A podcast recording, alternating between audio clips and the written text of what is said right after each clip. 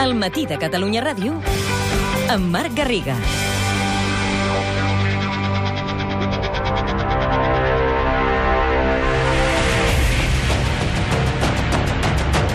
Trenta-cinc cops de fals. L'òpera a Barcelona.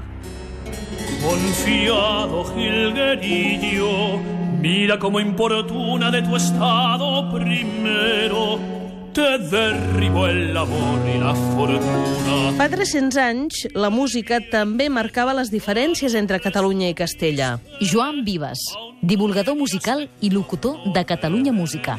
Barcelona es va convertir en la, la sucursal de l'òpera italiana i, en aquest cas, també hem de dir sucursal pionera, perquè a Madrid l'òpera italiana no podia sonar. A Madrid sonaven les sarsueles. Si de rama en rama A la cort de Madrid, la de Felip V, l'òpera no podia sonar perquè no estava gens ben vist que hi hagués espectacles o mostres artístiques en un idioma que no fos el propi, en aquell cas el castellà. El que sonaven allà, doncs, eren les sarsueles, com aquesta que escoltem.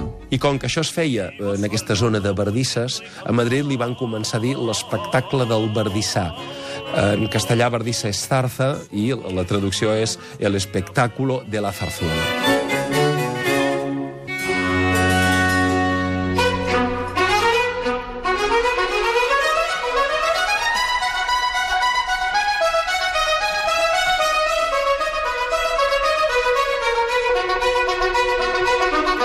Ben diferents eren els gustos de l'arxiduc Carles, que va ser el responsable d'introduir l'òpera italiana a Barcelona.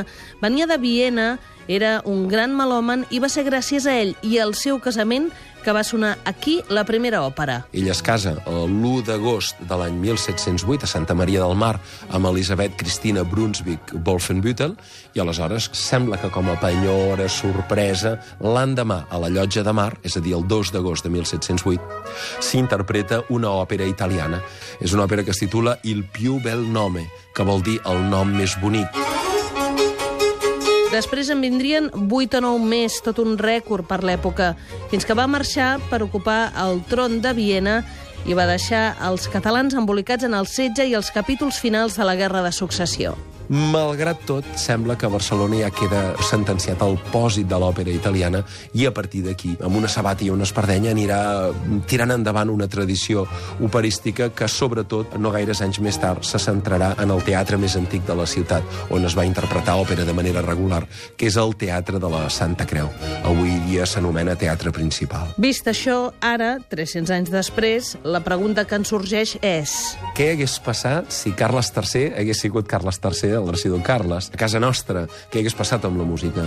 Hagués impulsat la música d'aquí? Haguéssim tingut Mozart i Haydns a Catalunya o tot l'Estat?